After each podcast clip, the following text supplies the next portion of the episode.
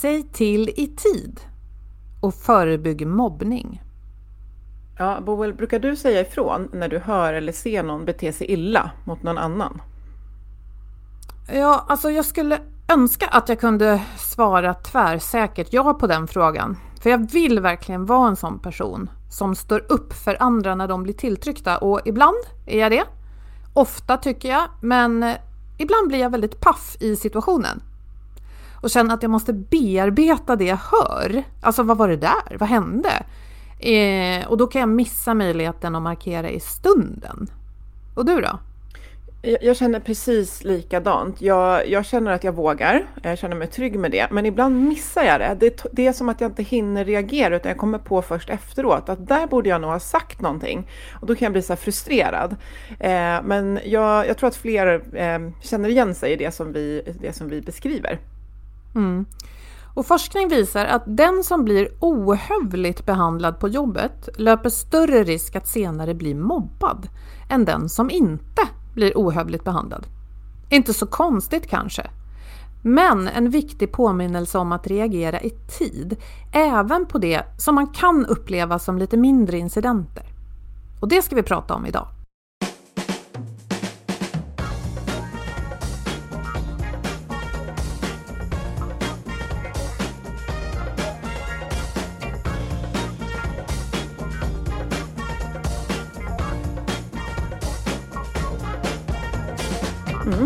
Och det samtalet håller vi i vår podd Health for Wealth, där vi i över sju år har poddat om hälsa på jobbet. Eftersom människor som mår bra kan prestera bra. Och för att må bra behöver vi goda samarbeten, rätt resurser, handlingsutrymme och trygga ledare som har tid att leda. Och I podden då tar vi ett helhetsgrepp på det här med att må bra på jobbet. Vi är Ann-Sofie Forsmark, jag är hälsostrateg, ledarskapskonsult och jag driver organisationen Oxigroup. Och Boel Stier, kommunikationskonsult. Varje vecka delar vi inspiration, idéer och tips för ett bättre och mer hållbart arbetsliv. För dig som är chef, ledare, jobbar med HR-frågor och ja, alla slags medarbetare såklart. En forskningsstudie som gjordes i samarbete med fackförbundet Sveriges Ingenjörer och som publicerades tidigare i år visade att det här med ohövligt beteende kan vara en tidig signal på mobbning. Intressant tycker vi. För tänk hur mycket lidande vi skulle kunna förhindra om vi var lite mer uppmärksamma och agerade i tid. Mm. Och därför har vi bjudit in en av forskarna bakom studien för att prata om vad vi alla kan göra för att stoppa att mobbning utvecklas och sker på jobbet. Och göra det i tid. Välkommen Kristoffer Holm! Tack så hemskt mycket! Du är universitetslektor på Malmö universitet och doktor i psykologi. Hur kom det sig att ni gjorde just den här studien? Det stämmer bra det och eh, det fanns ett par anledningar till varför vi valde att studera det här ämnet. Och man kan säga att en del av det här är den här teoretiska biten i det hela, att försöka förstå fenomenet med negativa arbetsplatsbeteenden och hur de utvecklas över tid. Den andra delen i det här handlar mer om det praktiska arbetet, alltså att försöka tidigt identifiera vad är det som gör att till exempel kränkande särbehandling uppstår och hur kan vi se till att försöka eh, ha tidiga indikatorer som gör att vi kan hantera och förebygga den här typen av, av situationer. Eh, så att vår utgångspunkt var egentligen väldigt mycket i tidigare forskning på området där man pratat mycket om eh, vad man kallat för eskalationsmodeller för negativa arbetsplatsbeteenden. Alltså att det kan börja med de här små uttrycken till exempel som ohövlighet, de här små tjuvnypen eller nålsticken så att säga som sen då över tid skulle kunna eskalera till grövre typer av kränkningar eller situationer där regelrätt mobbing uppstår. Och även om det här är någonting som man har eh, så att säga diskuterat ganska länge och kanske haft en teoretisk eh, utgångspunkt i så har det funnits ganska lite forskning som tittar just på den här utvecklingen över tid. Så vi kände att det här var ett eh, ganska viktigt bidrag när det gäller att försöka förstå de här processerna på ett bättre sätt. Mm. Alltså det, ja, det är så mycket vi vill fråga dig om. Eh, och det första är att kan man definiera ohövligt beteende? För jag tänker att det är Eh, Eh, liksom, går det att definiera vad det är? Kan du ge exempel på vad det är? För jag tänker att det finns tolkningsutrymme där, vilket vi ska fråga vidare om sen. Men vad, vad är ohövliga beteenden? Absolut, och det ligger ju eh, väldigt mycket i begreppets natur att det här rör sig om subjektiva upplevelser såklart om hur man uppfattar situationer på arbetsplatsen. Men typiskt sett så brukar man säga att ohövliga beteenden rör sig om olika typer av lågintensiva negativa arbetsplatsbeteenden. Eh, om man vill ha en eh, kanske lite mer klassisk benämning på det här skulle man kunna kalla det för respektlösa beteenden. Alla beteenden som egentligen går emot normer för respekt på arbetsplatsen. Och det kan egentligen vara ganska vardagliga saker som att man kanske inte lyssnar på varandra, eh, att inte hälsa på sina kollegor, att uttrycka sig på ett sarkastiskt eller nedlåtande sätt, eh, himla med ögonen när någon säger någonting, vända sig med ryggen mot en person när de pratar till exempel för att inte riktigt inkludera dem i samtalet. Och den typen av egentligen ganska vardagliga uttryck. Och någonting som är ganska särskilt för just ohövliga beteenden är att eh, det här är beteenden som kan ha en ganska tvetydig avsikt att skada. Så att det kan vara lite svårt att veta om personen som uttryckte det här beteendet gjorde det här med en tydlig intention av att vara ohövlig eller respektlös till exempel. Eller om det här kanske bara var någonting som man gjorde därför att man inte riktigt tänkte på hur det skulle uppfattas av motparten eller att man kanske inte var medveten om hur det här landade hos den andra för stunden till exempel.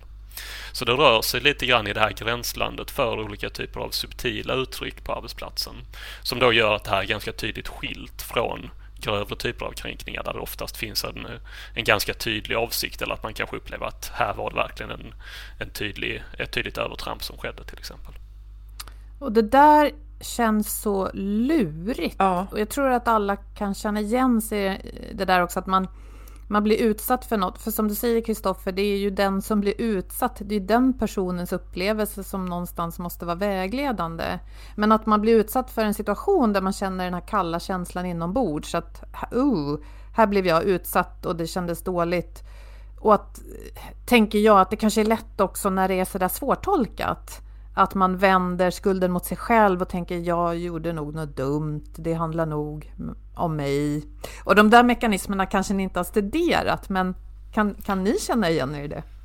Ja, men absolut, och jag tänker att mycket av det som är, är just särskilt för ohövlighet, det handlar mycket om den här subtiliteten och att det ibland kan kännas lite svårt att till och med ta upp det här för diskussion till exempel och hantera den frågan. Det kan i ganska många sammanhang kännas som att det kanske är lättare att bara låta det vara för stunden och så släpper man det där till exempel och väljer att inte säga ifrån eller väljer att inte markera till exempel. Och vad som händer då det är ju till exempel att det här skulle kunna uppstå igen i ett nytt sammanhang. Eh, det har ju inte varit så att man har uttryckt något missnöje kring det här tidigare.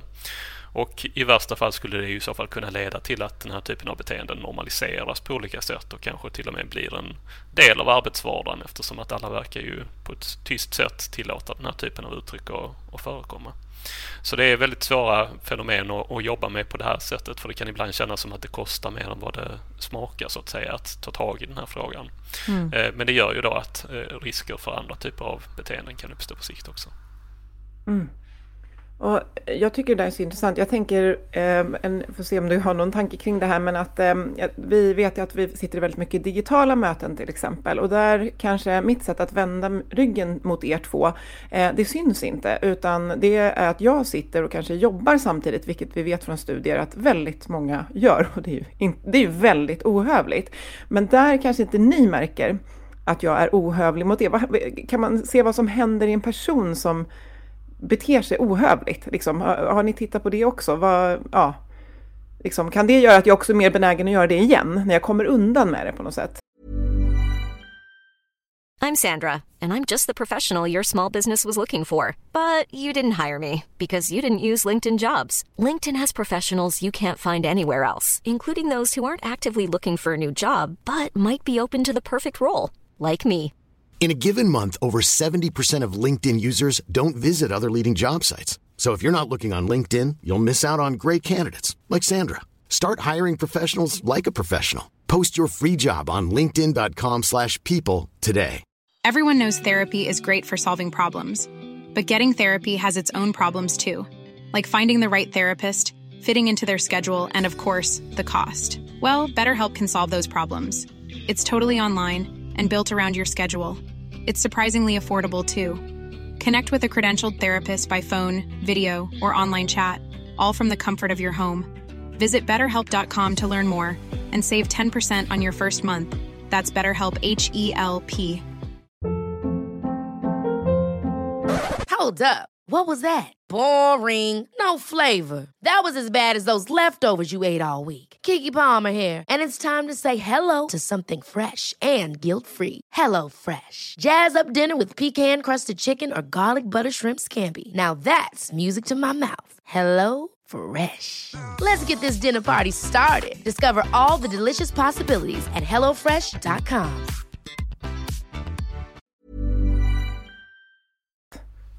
Mm. Nej, men jag tänker att rent generellt så kan det ju vara svårt att, förstå hur det här beteendet upplevs av andra ifall man inte får någon typ av feedback kring det hela.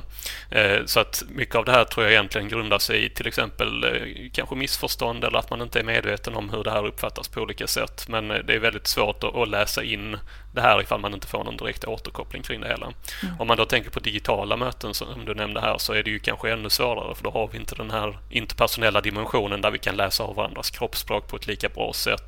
Eh, man kanske ser varandra men man kan inte uppfatta hela situationen i rummet till exempel och den här typen av, av tyst kommunikation som ofta kan förekomma i olika sammanhang. Så där kan det ju vara svårt av rent tekniska skäl eh, helt enkelt att förstå vad andra tycker är hövligt eller ohövligt till mm. exempel.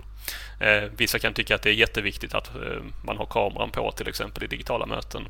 Andra kan tycka det är viktigt att man följer en turordning i talarlista och så vidare. Medan vissa personer kan känna att det är kanske mindre Eh, viktigt. Så att där finns ju definitivt skillnader. Mm. Jag tänkte på, du nämnde sarkasm som ett eh, exempel på något som kan vara ohövligt. Och det är väl typiskt något sånt så att, att, om du och jag Ann-Sofie har en lite sådär sarkastisk jargong och vi är vana vid att kasta lite sådär elakheter inom citationstecken mellan varandra. Äh, vad fasen din ADHD-tönt, mm. liksom säger mm. jag, och så tycker du att det är jätteroligt, för vi har kommit överens om att man får säga så, och så säger du så här, ja, din dödslängtande mm, fallskärmsidiot. Mm. Ja. För att, och det är okej, för att ja. vi har en överenskommelse om att det är så. Men så säger jag till Kristoffer som är gäst här, åh, din fjantiga akademiker tölp liksom, och tycker att du ska också vara med i den här eh, jargongen. Och så känner mm. du dig jätteledsen. Alltså, hur ofta tror du att det, att det är som du sa just eh, missförstånd? Och hur ofta, det här kanske ni inte vet, är det att någon faktiskt är sur, irriterad och ogillar någon och att det faktiskt märks? Mm.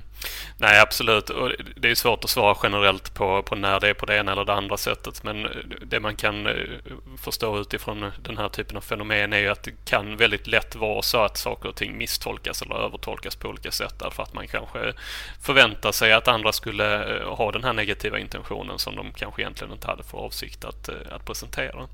Och Det är ju en väldigt fin balansgång det här, för det som ni nämner det är att man kan ju ha en, en jargong med, med kollegor till exempel där man känner att det här är ett sätt som vi brukar skämta om. Det kan till och med vara ett sätt att hantera en stressfull arbetssituation. Alltså att man skämtar lite grann med varandra, man bondar på det sättet och kommer närmare varandra. Och ibland kan det finnas försök att inkludera eh, andra medarbetare i den här jargongen till exempel eh, och ha den här skämtsamma jargongen. Men där måste man ju vara väldigt, eh, ha en väldigt fin fingertoppskänsla för när är det här någonting som folk tycker är roligt och när är det här någonting som går över gränsen till exempel. Eh, och det är väl kanske just där de här spänningarna kan uppstå på olika sätt. Mm. Låter... Ja, och sen så är det lätt att få höra, förlåt, eh, lätt att få höra också så här, vadå, tål du inte skoj? Mm. Precis, det är väldigt vanligt att man använder det här som ett sätt också lite grann fortsätta legitimera eh, ohövliga uttryck till exempel. Att ja, men, lite får man väl tåla eller lite hård hud får man väl ha och jag skämtade ju bara och så vidare. Och där kan det ju verkligen vara någonting som kan uppfattas som negativt av andra men det kan vara ännu svårare att så att säga hantera situationen då eftersom att man känner att man bara blir lite avfärdad kanske när man tar upp det här. Mm.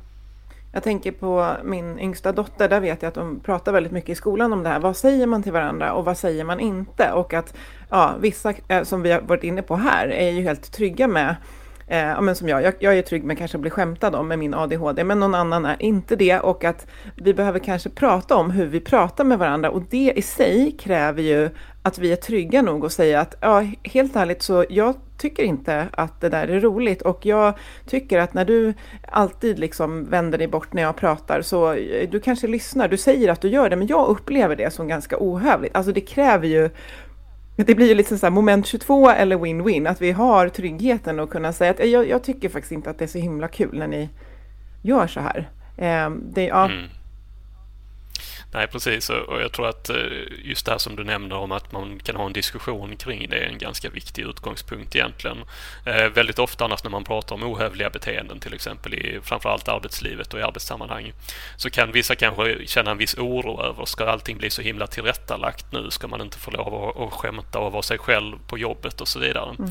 Men det handlar inte om att man ska komma in med några pekpinnar och säga att eh, nu ska vi bete oss på si och så sätt till exempel, utan det handlar mer om att hitta förhållningssätt där man känner att det här är ett okej okay bemötande i vår arbetsgrupp till exempel. Det här är ett sätt som vi pratar med varandra, till varandra på och eh, som vi känner att vi är okej okay med.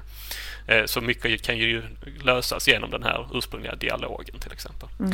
Men den där dialogen, det låter ju så bra och klokt och det är klart att det stämmer ju säkert. Men eh, är man ny på jobbet, är man yngst på jobbet, är det chefen som är otrevlig, den som man pratar lön med och som kan säga upp en?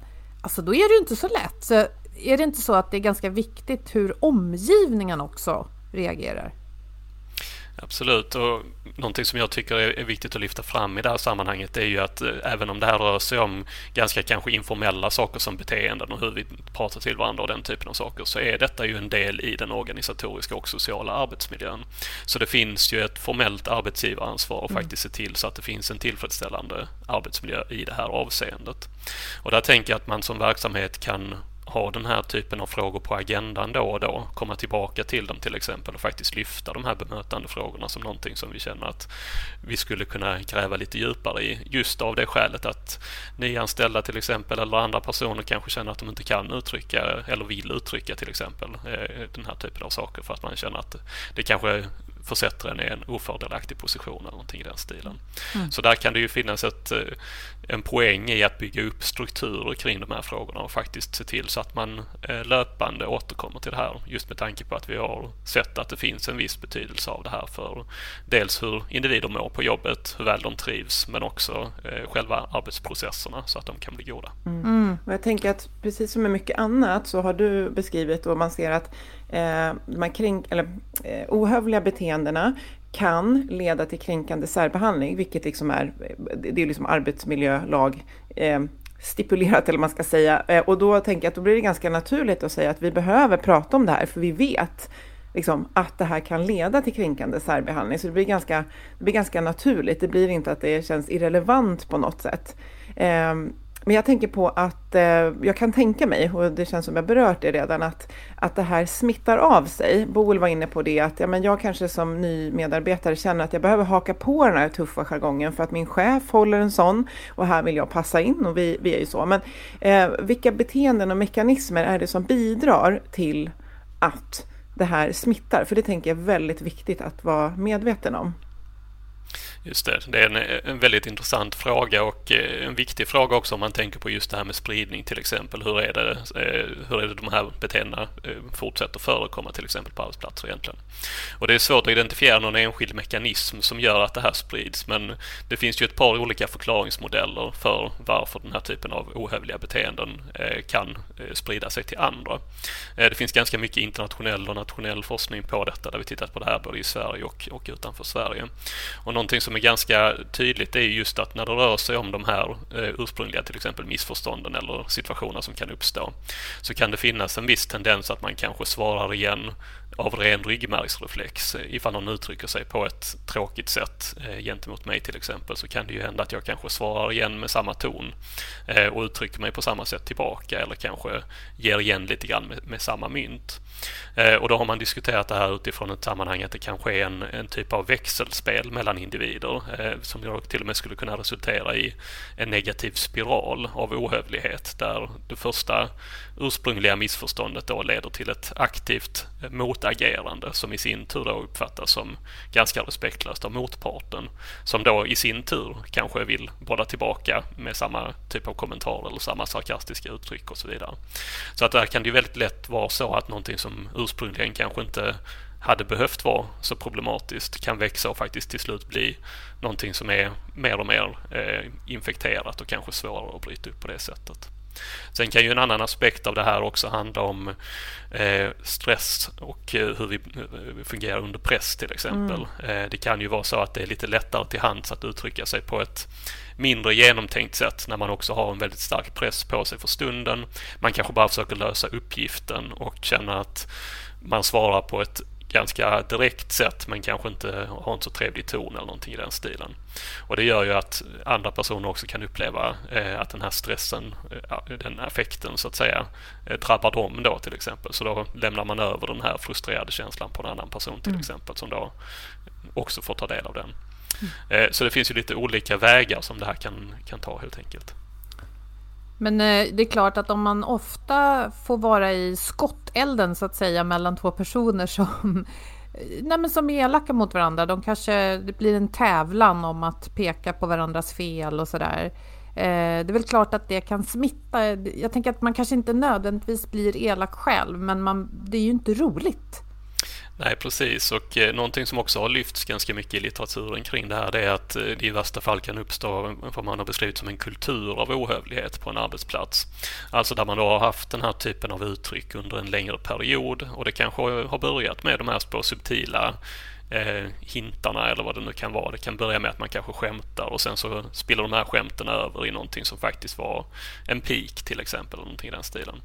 Och om det här finns över en längre period och blir en, en, ett normaliserat sätt att uttrycka sig på till varandra. Då är det ju ganska eh, förståeligt om man börjar snappa upp den här retoriken och kanske själv också dras in lite grann i de här växelspelen och utbyten. Så på det sättet har ju också den här eh, så kallade kulturen av ohövlighet beskrivits som en, en möjlig risk för att den här beteendesmittan kan, kan uppstå och fortsätta.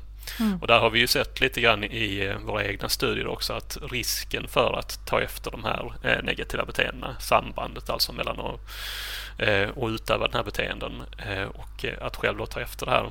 Det var starkare för de som var vittnen till den här typen av situationer snarare än de som hade utsatts för det här. Mm. Så att det tyder ju på att det är ganska eh, betydelsefullt för oss att se hur våra kollegor agerar eh, om man då tänker i relation till vårt eget beteende.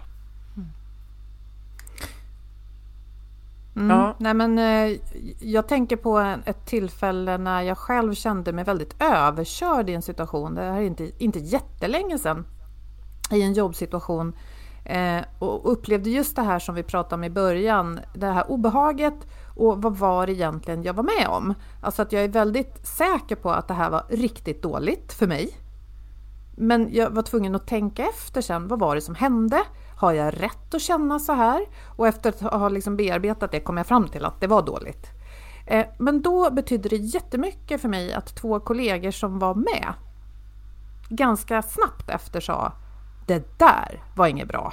Vill du snacka? Mm. Och en av dem sa också ifrån senare till den som gjorde det här. Och det betydde så himla mycket. Mm. Så jag tänker, en fråga till dig Kristoffer. Eller snarare så här, jag resonerar så här att kanske vi inte måste tänka efter så himla mycket. Eh, alltså att tänka efter är ofta bra, eh, att handla i affekt kan vara dåligt, men i de här situationerna tror att det är en bra idé att faktiskt säga så här, hörni, nu kändes det väldigt konstigt här. Mm. Eh, eh, alltså, att, att, man bara lyfter att någonting känns dåligt utan att liksom behöva ha massa argument. vad, vad tror du om det? Mm. Nej men absolut, jag tror också att det kan finnas en, en poäng i att göra det och framförallt om man känner att man har ett tillräckligt öppet klimat för att kunna ha den typen av diskussioner också. Eh, för jag tänker att i många fall där man kanske inte vågar lyfta de här sakerna och känner att det finns en tröskel som är ganska hög för att ta upp det när någonting händer. Då känner man sig kanske inte helt trygg med att det här kommer tas emot på ett bra sätt eller att man kommer få bra gehör om man då lyfter de här frågorna. Så om man har till exempel den här ursprungliga känslan av att okej, okay, det är helt helt okej okay för mig att säga att det här kändes inte helt bra. Det kommer inte landa som ett jättestort problem utan det kommer snarare vara så att jag kommer bli lyssnad till och kanske ha möjlighet att faktiskt komma vidare från det här. Då kan de här sakerna som då ursprungligen kan vara ganska små fortsätta vara små och inte bli då stora långsiktiga problem på det sättet. Mm. Så jag tror att det kan vara en jättebra poäng i att eh, dels kunna lyfta den typen av saker på det sättet och att det också kan ha någon viss normativ prägel, alltså att man faktiskt lyfter fram att här tänker jag inte nödvändigtvis låta allting slida utan jag kommer kunna lyfta saker som jag känner inte är helt okej okay också. Och det gör att det blir lättare för andra att faktiskt stämma in och säga nej men jag, jag håller med, jag tyckte inte heller att det här landade helt bra. Eh, för det är oftast någon som behöver ta första steget då för att en sån diskussion ska kunna komma till, till stånd. Mm. Kan vi säga någonting om hur vanligt, det är, alltså som jag säger, det är en subjektiv bedömning om, om, om man skulle lyssna av alla dialoger som sker eller titta på alla beteenden på alla arbetsplatser i hela Sverige, en ganska massiv studie, men eh, är det liksom väldigt vanligt med ohövligt beteende och, och man någonstans skulle hitta någon typ av objektiv bedömning? Och eh, följdfråga på det är ju lite det här när vi ses digitalt, där jag mm. själv kan bara reflektera över att jag behöver, känner jag ibland, liksom förstärka eh, hövligheten på ett sätt eh, som jag inte kan göra i rummet, liksom, Nej, eh, när precis, vi ses, liksom, med de här beteendena. Ja. Men är det, är det vanligt med, för jag tänker att det är ju en, en, säga, en potentiell grogrund för att det leder till mm. ja, att det eskalerar. Är det vanligt? Ja, men absolut. Och det här var någonting som vi tittade på i en studie faktiskt för ett antal år sedan eh, där vi försökte undersöka det här på, på den svenska arbetsmarknaden för att titta lite grann på förekomst och, och den typen av saker där. Och det vi såg i den studien det var att eh, där hade vi ställt frågor på ett sätt som man hade gjort i andra länder också för att kunna jämföra lite grann hur ser det ut till exempel i, i Sverige nationellt jämfört med andra länder. Så då tittade vi på förekomst, alltså utsatthet för ohövlighet under det senaste året. Och då var det ungefär eh, 73 procent tror jag det var, så tre fjärdedelar fjärdedelar nästan som uppgav att de hade varit utsatta för ohövliga beteenden under det senaste året. Mm. Och det var till och med två tredjedelar som uppgav att de själv hade betett sig ohövligt mm. mot sina kollegor under det senaste året. Jämnt skägg alltså. Precis. Och då tänker man att det här kanske är liksom ett ganska långt tidsspann så det är klart att man någon gång under det senaste året har kanske råkat trilla dit eller råkat själv eh, uttrycka sig på ett, på ett mindre önskvärt sätt. Men även i senare studier när vi tittat på det här under en en månadsperiod, alltså den senaste månaden, så brukar det vara ungefär likartade siffror vi ser. Alltså ungefär tre fjärdedelar, någonting i den stilen, som uppger att man då har varit utsatt för den här typen av respektlösa beteenden. Mm. Så utifrån det så tycker jag att man kan föreställa sig att detta är ett ganska vanligt fenomen eh, som förekommer på, på svenska arbetsplatser. Mm. Eh, så att det är definitivt någonting som med tanke på dess också ganska lågintensiva natur kan uppstå i ganska många olika sammanhang. Eh, så att det känns inte helt oväntat mm. på det sättet. Sen eh, angående det här digitala då, eh, det är ju alltid en svår fråga för att eh, det har ju ändrat Eh, sättet vi umgås på ganska mycket och det ändrar ju också lite grann vilka normer som finns i, i möten till exempel. Vad förväntar vi oss av varandra? Eh, om vi tänker tillbaka på början av pandemin till exempel när vi väldigt snabbt slängdes in i, i digitala möten, många av oss som arbetar mycket det, på det sättet. Eh, då behövde vi ju ganska snabbt där hitta formerna för det här också och då märkte man att det kanske inte alltid var så lätt att hitta den här talarordningen. Vissa pratade samtidigt, det blev många ljudingångar på samma gång och eh, vissa personer kanske valde att istället för att släppa fram den andra fortsätta höja rösten och prata ännu högre tills man så att säga var den som fick ordet. Mm. och det tror jag kunde uppfattas Trevligt. som lite ohövligt. Ja. Precis. Det var, något det, var någon, det var då någon hittade mute-knappen, hur man mutar andra. Ja, ja precis. ja, jösses. Ja, det är, jätte, det är jätteintressant. Jag vill också börja reflektera medan vi pratar, men att blir absolut blivit utsatt för ohövlighet. Eh, och då tänker jag att då framförallt i två liksom, eller situationer så är det, eh, det igen människor som har varit väldigt, väldigt stressade. Alltså jag har mm. sett att så här, det här är eh, det här, ligger, det här handlar inte om mig. Den här personen är så fruktansvärt stressad över någonting annat och blir väldigt ohövlig. Eh, och det andra har varit när jag har varit i det här ung tjej situationen och det har varit äldre män som har varit eh, ohövliga, alltså på flera olika sätt. Och eh, där kan jag få så här, jag får, jag reser ragg. Att jag inte, mm. jag, jag har vet att jag har stått upp för mig själv, men jag vet också flera situationer som jag och Boel var inne på i början. Jag har inte hunnit fatta mig. Alltså hjärnan är lite överrumplad av att, vad, sa han verkligen så där? Eller gjorde han verkligen så där? Och så har jag inte hunnit fatta mig och det är lite svårt att komma Fast man ska ju göra det, kanske gå tillbaka och säga du, mötet i morse, jag kände inte att det var helt okej. Okay. Eh, men det kräver ju sinnesnärvaro och mod att ta de här. Men det är de två skulle säga, generella situationerna som jag har varit i. Men just det där när man själv är väldigt stressad så kanske man också... Jag skulle nog gissa att om jag uppfattas ohövlig så är det nog när jag själv... Det liksom brinner i huvudet och mm. så blir det... Ja. Mm. Nej, precis. Och jag tror att stress är, stress är ganska starkt kopplat till ohövlighet generellt sett. Jag tror att man kan se det på två olika sätt egentligen. Eh, den ena biten i detta är att när man själv är stressad så är det väldigt lätt att eh, kanske inte alltid tänka på hur man uttrycker sig på bästa sätt utan man försöker lösa uppgiften eller man försöker hantera situationen eller vad det nu kan vara som, som stressar en på något sätt. Den andra biten i det här det är att man har faktiskt undersökt hur personer uppfattar olika situationer eh, och sen eh, tittat lite grann på individuella skillnader i det här. Och där vet vi ju att till exempel eh, att vara under stark stress kan ju vara någonting som gör att man kan uppfatta eh, tvetydiga situationer som lite mer negativa. Eh, och eftersom att ohövliga beteenden handlar om de här väldigt tvetydiga, subtila sakerna som man är lite osäker på vad detta eh, illa menat eller var det bara ett missförstånd och så vidare. Eh, då är det kanske lättare att inte hamna i detta att man snälltolkar den andra så att säga utan att man istället då kanske förutsätter att det här fanns någon typ av eh, av negativ avsikt eller att man kanske blir lite defensiv till och med om man själv då är under stark press. Mm. Så jag tänker att stress blir ju på något sätt då en, eller skulle kunna vara åtminstone en katalysator för de här beteendena i många sammanhang där man kanske då i vanliga fall kan ha en bra dialog med varandra men sen när det väl brinner till då är det ju lätt att kommunikationen hamnar i, i skottgluggen så att säga. Mm. Men det där är ju bra att ha med sig för sin egen, eh, sitt eget välbefinnande, att man kan göra den där analysen som du nämnde Annie, att okej, okay, eh, hen är stressad, det handlar nog inte om mig. Mm. Men sen tänker jag att eh, vi har ju lärt oss i beteendeforskningen också att ett, ett beteende som inte får någon typ av feedback och bara får fortgå, vi kanske tror att om vi bara låter det droppa sådär så ja, då, då, behöver det inte bli en stor grej. Men det är ju ett slags positiv feedback till den som utför beteendet. Du kan fortsätta. Mm. Jag fick ett tips en gång, eh, eller något jag läst och, och, hört många gånger, apropå det som man brukar kalla för härskarteknik. Och det är väl ett exempel på ohövligt beteende. Mm. Det skulle ju kunna vara att eh, chefen ja, men säg att det är en ny tjej på jobbet eh, och eh, så kommer hon in och har ett par knallrosa skor som eh, sticker ut lite grann. Alla har inte det och så säger chefen när hon kommer in i ett möte eller in i rummet så här. Och här kommer Lotta med knallrosa skor. Med den tonen liksom. Nu bara hittar jag mm. på någonting.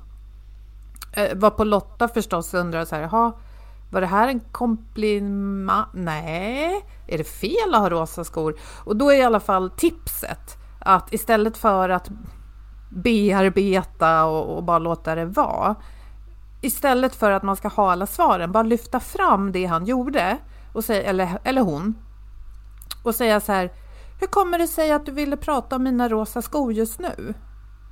Alltså att bara ifrågasätta det. Mm. Ja men absolut. Mm. Precis, eh, för att, precis som det du nämner här med, med det passiva beteendet så att säga. Att det är också en, en typ av feedback. Och, och, om man då går tillbaka till det här med till exempel en ohövlig kultur eller en, en kultur där man åtminstone eh, accepterar den typen av, av uttryckssätt till varandra.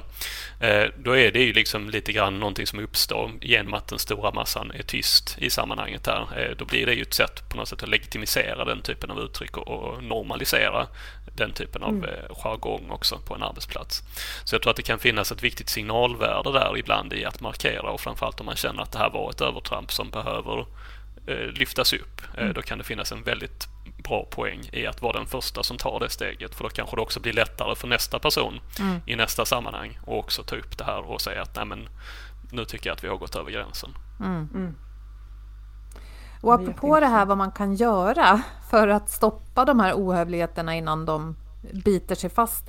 Har du själv sett exempel, ja antingen från, från din verklighet eller i forskningen på eh, alltså konkreta exempel på hur man har vänt situationer där sånt här har satt sig mm. i en organisation? Ja, absolut. Eh, det finns ju ganska många lokala exempel där man jobbar med de här frågorna på lite olika sätt och, jag tror att ett första viktigt steg är ju att ha en diskussion kring det och, och, faktiskt lyfta upp det här och medvetandegöra kring detta för det är inte alltid man kanske tänker på hur bemötandet påverkar andra. Om man tittar på vad som har setts i forskningen sedan tidigare så har man prövat att eh, ha olika typer av dialogsammanhang med arbetsgrupper där man då har lyft bemötandefrågor från olika perspektiv. Och i studier där man då undersökt effekterna av den typen av eh, diskussionssammanhang så har man sett att det här leder till en, en ökad hövlighet över tid eh, och framförallt att det här är någonting som inte bara stannade upp när de här eh, arbetsplatsinterventionerna stannade av utan man fortsatte arbeta med det här och såg en, en utveckling i positiv riktning eh, i just det här avseendet. Någonting som vi själva gör just nu i Sverige är att vi arbetar i ett forskningsprojekt där vi försöker aktivt främja en kultur av hövlighet och respekt på olika arbetsplatser genom att ha just diskussioner om bemötande till exempel. När upplever vi att vi har ett gott bemötande på arbetsplatsen? Vad är hövlighet för oss till exempel då? Eh, ta upp den diskussionen lokalt. Hur kan vi skapa förutsättningar för det? Och hur kan vi hantera ohövlighet när det väl förekommer? För det finns ju alltid en risk att det skulle kunna uppstår den typen av sammanhang. Mm. Eh, och även där finns det ju då en viss möjlighet att försöka komma åt den här eh, problematiken genom att då börja ganska enkelt egentligen med att lyfta frågan och, och förklara vad är, de här, eh, vad är det här fenomenet, vad är effekterna av det och hur ser vi på det? Hur skulle vi vilja förhålla oss till detta? Och ha en levande diskussion om det. Mm. Det är så intressant. Jag tänker att det, vi, på, hur hjärnan funkar också, att nu ska jag inte säga, nu ska jag inte, det blir så svårt, men det är så här, vad ska jag göra? Och så tänker jag att det också, eh, för det första så vill jag ju veta, om jag jobbar med er två, eh, hur ni upplever mig. Liksom, finns det situationer? Och sen också bli medveten eh, om, mig, alltså, om mig själv. När, när, när är jag själv på väg att bli ohövlig fast jag inte vill vara det. Det kräver ju att jag faktiskt vill vara hövlig. För hos vissa så ligger det ju en inneboende konflikt och puttrar och så utmynnar det sig att jag utmynnar, är det ett ord ens? Ja, det mynnar ut mm. i att jag kanske påtalar Boels skor eh, och så här, jaha, ja, det är klart att du ska åka bort i helgen. Ja, du vet, att det, att det kommer såna här, och så egentligen är det så här, jag är jätteavundsjuk på Boel och det är därför jag beter mig ohö... Alltså, det, det, det, är så mycket i det här liksom som, som ligger under in i individen, så jag tänker att Eh, har man i de här, de, de här projekten också har det byggt också på att individen själv får reflektera? Eh, eller har man bara pratat om beteenden som vi kan titta på tillsammans? Ja, det är en kombination egentligen. Vi arbetar en del med detta i vårt eget projekt där vi bland annat försöker ha diskussioner i grupp kring eh, beteenden för att skapa en gemensam bild och gemensam förståelse för, för vad, vad detta skulle kunna vara till exempel i, i det specifika sammanhanget. Ja. Men i detta ingår det också att se det individuella perspektivet mm. till exempel. Hur uppfattar man själv olika typer av sammanhang och eh, när är man själv kanske delaktig i att eh, liksom dras in i sådana här jargonger eller kanske hamna lite snett i, kommunikationen på olika sätt. Så att det är ju ett växelspel här mellan grupp och individ egentligen kan man säga där vi alla utgör på något sätt gruppen och där vi alla på ett eller annat sätt har en del i att skapa den arbetsplatskultur eh, när det gäller det sociala bemötandet till exempel som vi, vi ser på arbetsplatsen. Mm. Eh, så att det finns ju definitivt mycket i att bara väcka det här för egen del och börja fundera på hur uppfattar andra mitt beteende till exempel. Det är kanske inte någonting man reflekterar över varje dag annars. Eh, och det kan ju vara ett jättebra första steg åtminstone. Eh, sen får man ju också tänka på att det här är inte någonting som man kanske alltid varenda dag kan gå runt och fundera över. Det skulle ta väldigt mycket energi ifall man hela tiden går runt och överanalyserar vad mm. andra ska, hur andra uppfattar hur man, hur man beter sig och så vidare. Men att generellt sett ibland då eh, fundera ett extra varv kring det här kan ju vara en, jätte, en jättebra sak i sammanhanget i så fall. Mm. Jag vet en eh, kvinna som är VD för en saneringsfirma. Hon, eh, ja, hon har tagit upp den här typen av frågor väldigt mycket konsekvent och metodiskt eh, i sin organisation. Och jag tyckte det var så intressant när hon berättade att förutom att det faktiskt rensade ut en del dåliga beteenden som liksom ingen verkade vilja ha men som bara var där så gjorde det ju också att, att alla började bete sig bättre när man var ute på jobb. Alltså inte bara internt och det ledde också till att man tog mer ansvar för jobbet och faktiskt gjorde ett bättre jobb och fick nöjdare kunder. Så det är en otroligt bra spiral om man kan sätta igång den med så enkla medel. Mm. Precis, och just det här med om man tänker på spiraler också då, att det är lätt att fastna i en negativ spiral eller att man kan sätta igång en positiv spiral. Där kan det ju finnas ett jättestort värde som i det här exemplet då faktiskt jobbar med att lyfta fram de positiva sidorna av det här. När känner vi att vi liksom får till en riktigt bra dialog till exempel? Mm. Vilka sammanhang känner vi att vi eh, mår bra av till exempel att ha eh, på jobbet och, och vad är det som utvecklar oss? Och det gör ju också att om man då känner att man kan lyfta fram den typen av, av goda uttryck så blir kanske tröskeln också högre för de här ohövliga beteendena att, mm. att leta sig in i det hela. Just det. utsläckning kallas det väl för inom beteendeforskning. Alltså när man, ja, precis. När man eh, liksom, eh, eller att man, det kanske var fel av mig, men att man, man bemöter ett negativt, man tränger ut någonting negativt genom att göra någonting positivt. Typ så. Ja, om man går tillbaka till de här gamla klassiska behavioristiska modellerna för, för utsläckning till exempel så vet vi att det är väldigt svårt att, att släcka ut beteenden helt enkelt. Eh, framförallt de som då förstärks med eh, lite intermittenta ja. inslag, det vill säga att de förstärks ibland. Eh, så om man då skulle sätta det i relation till ohövlighet så kan det ju vara väldigt svårt att helt och hållet så att säga bli av med den typen av beteenden. Eh, och jag tror inte heller att det är någonting man ska sikta på. Det är kanske inte realistiskt utan det handlar kanske mer om att eh, hitta ett generellt gott bemötande och försöka främja det i, så stor grad som möjligt och sen hantera de här situationerna som uppstår när de väl uppstår. Och gärna göra det tidigt då också så att de inte går och gror och växer och blir den här eh, större konflikten på sikt. Mm. Jag tänker att det, det är väldigt viktigt och, och liksom tydligt medskick tänker jag, till våra lyssnare att fundera på, alltså kanske följa under en vecka liksom, eh, där man jobbar och liksom fundera på vad gör jag själv, vad gör andra? Eh, har vi ohövliga beteenden här? Och eh, jag kanske tycker nej, det har vi inte, men vet jag vad mina kollegor tycker? Eh, finns det forum att prata om det här och också förstå det här att det kan, det kan lägga en grund för att det faktiskt eskalerar och eh, eh, blir mycket värre, alltså kan leda till mobbning och alltså kränkningar som ju är olagligt.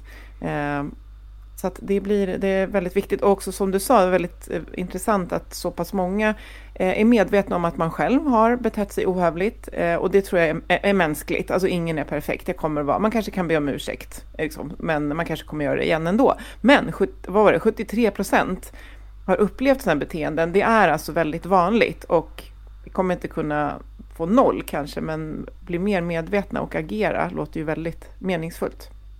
Mm.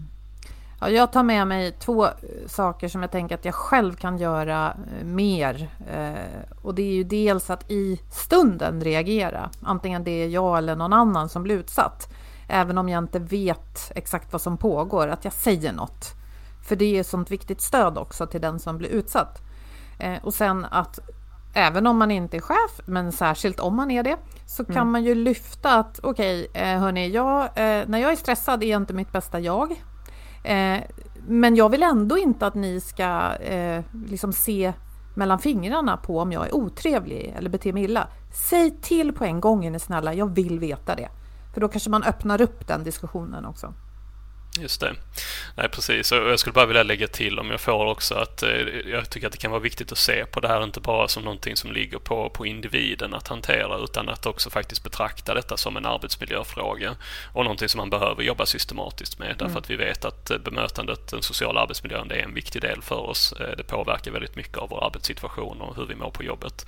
Så i, det, i, i relation till det så finns det en poäng i att faktiskt systematiskt börja hantera den här frågan. Mm. Mm. Ja, men ja. jättebra. Bland annat med dialog om, om respektfullt bemötande, vad det är och vad det inte är och att vi liksom pratar om det. Mm. Precis. Ja, men tusen tack Kristoffer, ja, vad intressant att få höra dina ja, expertinsikter kring det här ämnet. Och 73 procent är alldeles för mycket, så låt oss få ner det, snälla. Mm, verkligen. Och ja, vi tackar Kristoffer, vi tackar er som har lyssnat. Vi tackar vår samarbetspartner Agda Media för den här produktionen och eh, det här vill vi som allt annat också prata mer om och gör jättegärna det med oss på LinkedIn. Och så blir vi också jätteglada om ni vill ge oss en recension i Apples podcast-app. Det är där ni lyssnar, det betyder mycket för oss. Och så hörs vi om en vecka igen. Må så gott! Hej då! Hej då! Hej då! Ever catch yourself eating the same flavorless dinner three days in a row? Dreaming of something better? Well, Hello Fresh is your guilt-free dream come true, baby. It's me, Gigi Palmer. Let's wake up those taste buds with hot, juicy pecan-crusted chicken or garlic butter shrimp scampi. Mm. Hello Fresh. Stop dreaming of all the delicious possibilities and dig in at HelloFresh.com. Let's get this dinner party started. Planning for your next trip?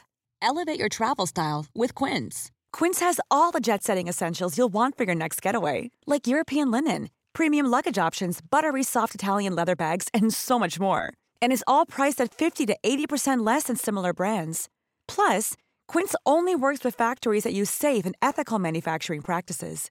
Pack your bags with high-quality essentials you'll be wearing for vacations to come with Quince. Go to quince.com/pack for free shipping and 365-day returns. Mom deserves the best, and there's no better place to shop for Mother's Day than Whole Foods Market. They're your destination for unbeatable savings, from premium gifts to show-stopping flowers and irresistible desserts. Start by saving 33% with Prime on all body care and candles. Then get a 15-stem bunch of tulips for just $9.99 each with Prime. Round out Mom's menu with festive rosé, irresistible berry chantilly cake, and more special treats. Come celebrate Mother's Day at Whole Foods Market.